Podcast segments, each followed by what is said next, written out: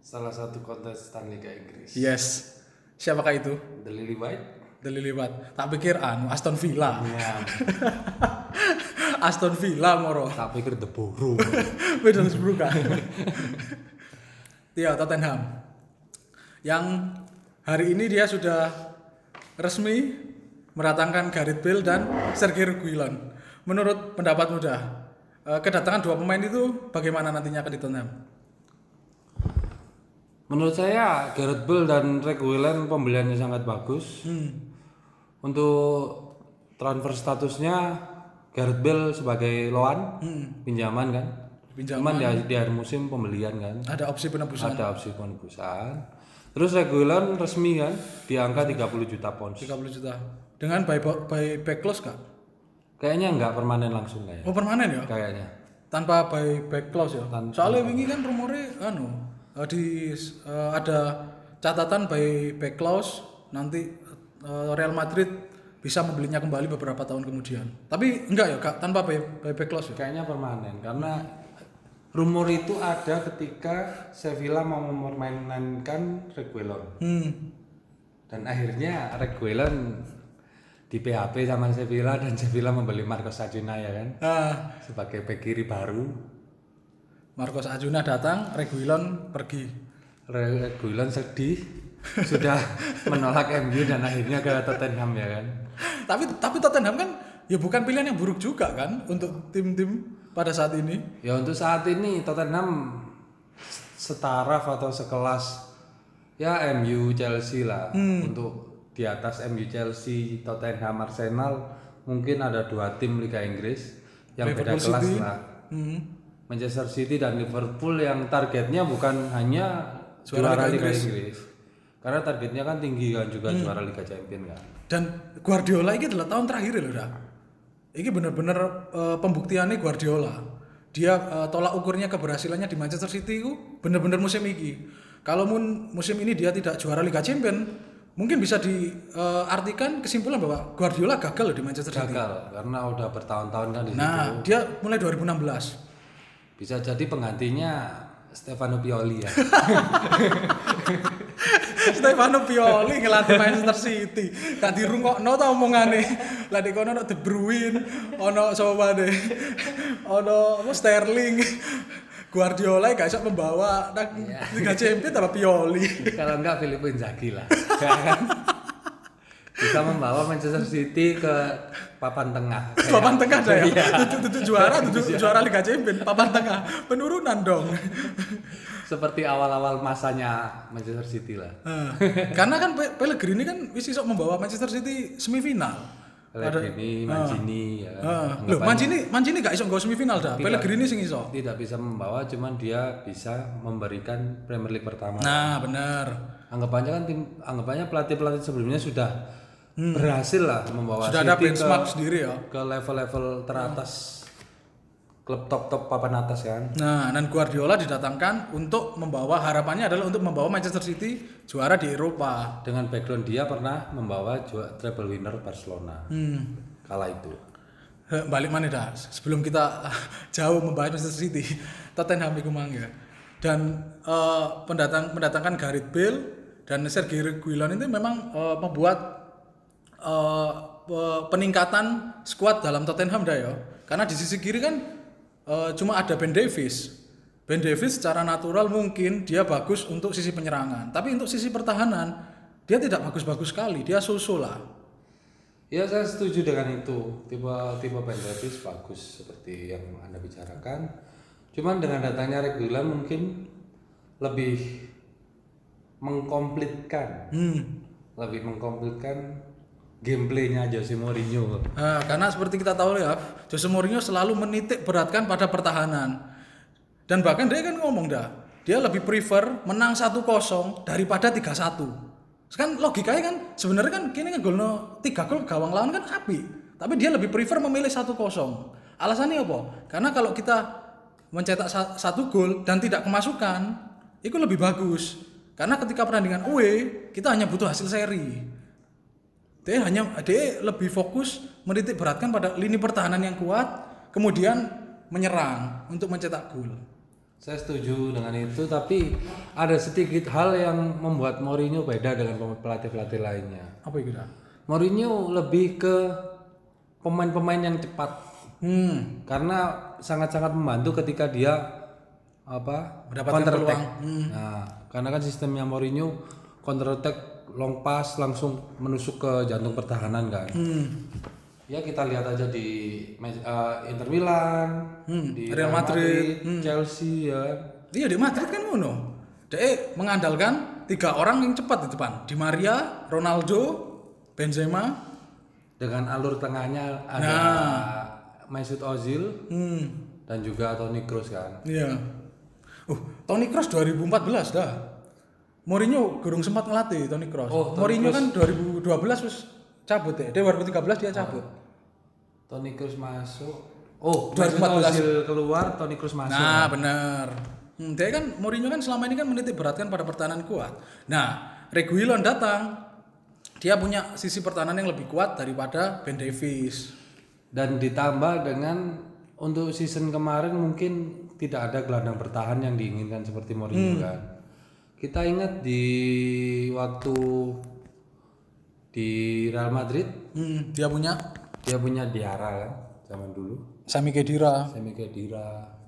Terus di Inter dia punya Thiago Motta, Hmm, Cambiaso. Cambiaso dan di Tottenham dia belum menemukan. Makanya dia mendatangkan Pierre Emerick Højbjerg. Nah, sebagai ya benar-benar ingin ingin membuat formasi idaman dia lah. Hmm. Mungkin Tottenham yang eh, seperti kita tahu sebelumnya dua musim sebelumnya dia menitik beratkan pada penguasaan bola karena ada Christian Eriksen. Sekarang dia mungkin akan merubah tanpa eh, apa penguasaan bola di tengah, dia akan mengandalkan serangan balik cepat saya. Counter attack dengan pemain cepat. Ada Son Heung-min dan Gareth Bale bisa jadi eh, pelengkap ya yo. Dengan kecepatannya dia, tendangannya dia ya kan. Ya skill-skillnya dia sebenarnya Gareth Bale ada tim yang ba- apa, pemain yang bagus. Hmm, setuju. Cuman dari gameplaynya Zidane sendiri tidak terlalu cocok ataupun beda gameplay lah istilahnya kayak gitu. Dan bisa jadi dah yo. Zidane itu berusaha untuk memberikan ruang ke Mbappe. Untuk beberapa tahun ke depan. Nah, kan kan perlu anu dah, bukan menjadi rahasia umum bahwa Mbappe itu mengidolakan Zidane loh. Dan Zidane berharap Mbappe itu ke Real Madrid. Dan banyak juga pemain yang beberapa pemain ini datang bukan karena Real Madridnya, tapi, Tapi karena faktor Zidane. Zidane, Hazard. Eden Hazard. Nah, Dia mengidolakan sejak kecil dari dia eh, di Liga Belgia, dia pernah foto ya kan zaman kecil itu. Hmm. memang dia idolanya ya. dia masuk Lille. Sebenarnya dari Lille itu Hmm. Dia sudah ditawar ditawarkan ke Real Madrid. Tapi Cuman dia lebih bertahan kan di 2011 2012. Chelsea juara 2012 2013 dia bilang Chelsea eh, cuman Chelsea yang benar-benar kepingin saya. yang menginginkan benar-benar Yang menginginkan benar-benar menginginkan saya karena dia akhirnya pergi ke Chelsea. pergi ke Chelsea. Eh, bisa jadi ketika eh, Bale keluar dari Real Madrid ada ada eh, stok kosong dari sisi penyerangan sebelah kanan dan bisa jadi musim depan tidak menutup kemungkinan Mbappe direkrut Madrid loh itu. Karena dari Mbappe-nya sendiri dia sudah bilang Nah, di tahun 2021 musim depan tahun terakhirnya dia di PSG. dia ingin keluar ya. Dia ingin mencari suasana baru, mencari tantangan baru di di luar PSG. Hmm, apakah yang dimaksud itu Real Madrid? Eh, bisa juga, juga Al Ahly. Bari bari teko PSG nang Al, Al Ahli itu gak mungkin dah. Kecuali Mbappe itu mabuk lem itu mungkin. iya. Karena tadi sisi engko sisi penyerangan sebelah kanan eh, Real Madrid itu kosong, pasti ada kemungkinan itu kayak memberi ruang kayak Mbappe. Yes kita kita nantikan sama-sama lah ya. Nanti eh, saga transfer dari Mbappe 2021. Eh, dan Mourinho pada tanggal eh, pada tahun 2012 dia tuh ngomong loh danang Florentino Perez ingin mendatangkan Gareth Bale. Tapi musim berikutnya dia dipecat oleh Real Madrid. Tapi Florentino Perez tetap mendatangkan Gareth Bale. Dapat ditarik kesimpulan bahwa Gareth Bale ini adalah pemain yang diinginkan Mourinho sebenarnya pada saat dia masih di Real Madrid. Dan ini memang mungkin timing yang tepat ya untuk Gareth Bale pindah dari Real Madrid ya. Ya sangat-sangat tepat lah karena anggapannya beberapa tahun ini Gareth Bale hanya sebagai pemain dengan gaji buta ya kan. Hmm, 600 ribu pound. Dan kabarnya Gareth Bale beberapa tahun ini lebih Sibuk. lebih sibuk dengan golf. kan urutannya ngono. Wales, golf, Madrid. Nah, kenapa nggak Wales, Hollywood, Madrid? Karena Gareth Bale. Kecuali Neymar. Oh iya, Neymar kan sempat main film. Oh iya, film panas apa? Enggak. eh, eh, anu, Triple X. Oh, Triple kan X. main kan Oh iya, Neymar. iya, iya. David Beckham, Eric Cantona mungkin. Kalau Gareth Bale kan memang DE hobinya kan main golf. Kalau nggak bikin film judulnya BBC ya kan? Apa itu? Bale, Benzema, Ronaldo. Oh, trio 2015. Trio, iya. Yang membawa Madrid juara dah ya, 2016 Liga Champions dah ya. Iya, mungkin ada perubahan gameplay itu. Yang Tottenham sebelumnya mengandalkan penguasaan bola menjadi sekarang counter attack cepat ya. yo. Karena mungkin saya ingin mem- apa balik ke belakang dikit tadi yang diomongkan Hilmi. Kenapa Mourinho menginginkan Bale di tahun 2012-2013? Karena gameplaynya Mourinho dengan cara Gareth Bale main di Tottenham itu hampir sama. Ya kan nggak gimana gimana Julio Cesar memungut bola tiga kali dan golnya sama Ah, semua. Semua ya. ah. Serangan balik Gareth Bale Tapi Inter tetap menang. Tapi Inter tetap menang. Ya aku tahu Anda fans Inter oke.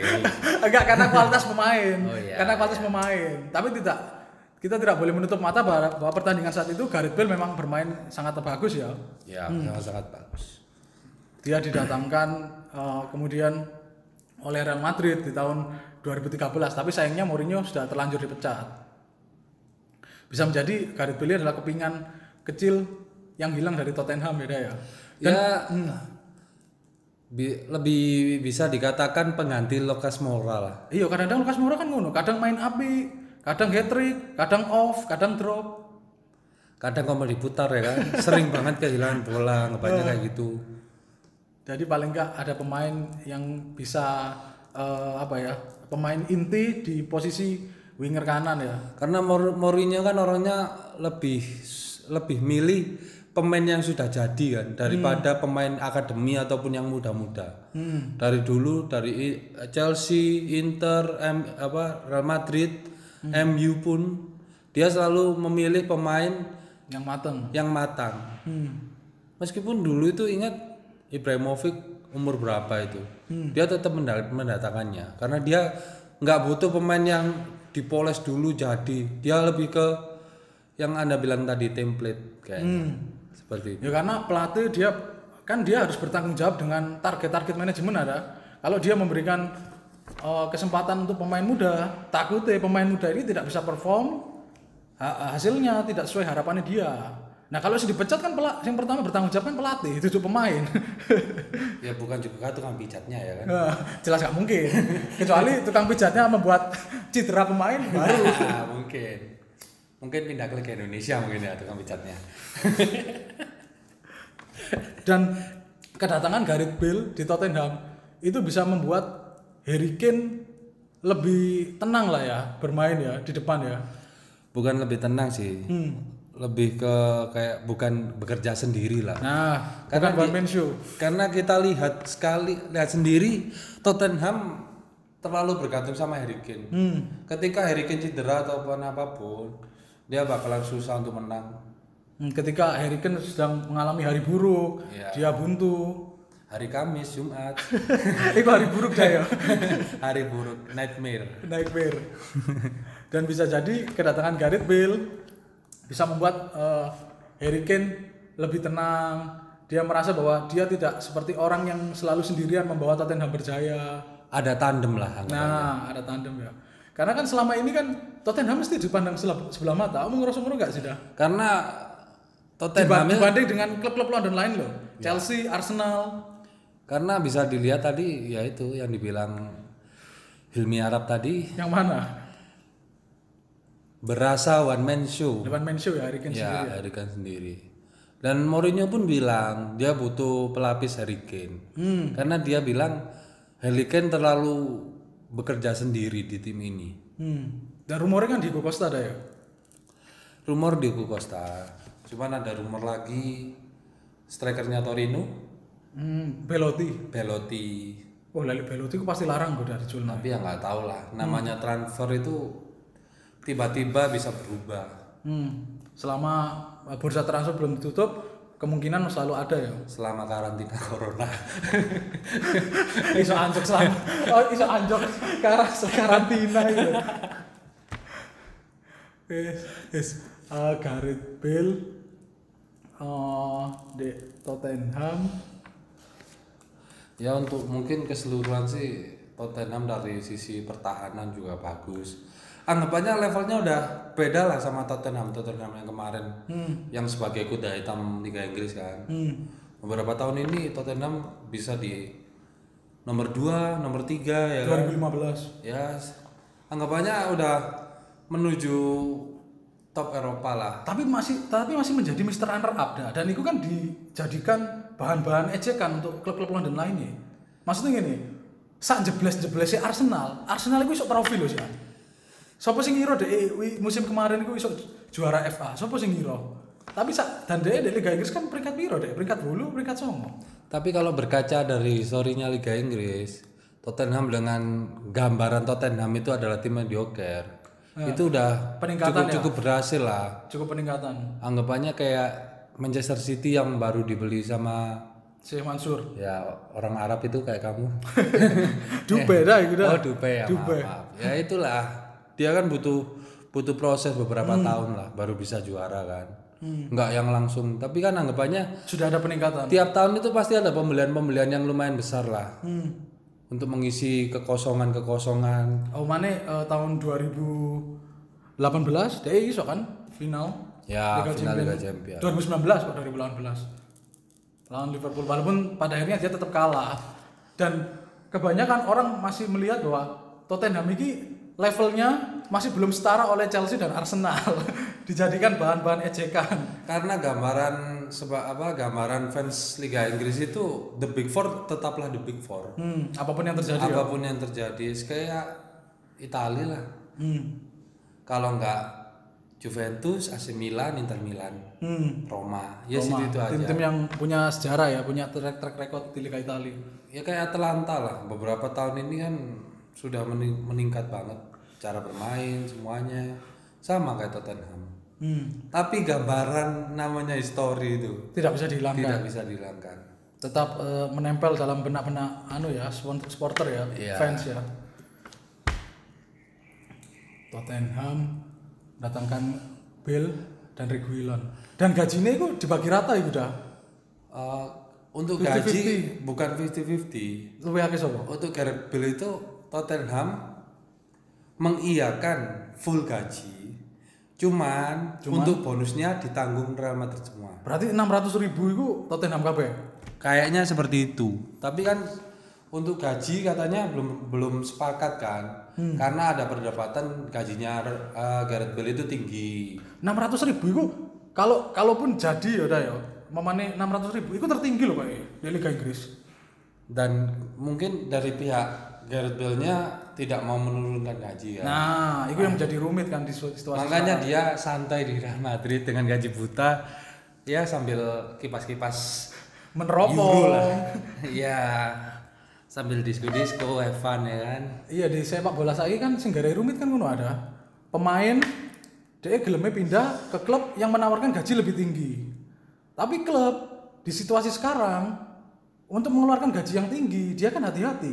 Dia tidak mau yo kayak merekrut pemain yang nanti pada akhirnya dia tidak bisa berkontribusi tapi mem- membuat pembekakan eh, neraca keuangan. Itu kan berusaha dihindari ya klub-klub. Eh, gambarannya eh, Gareth Bale itu hampir sama dengan Mesut Ozil. Nah benar, benar.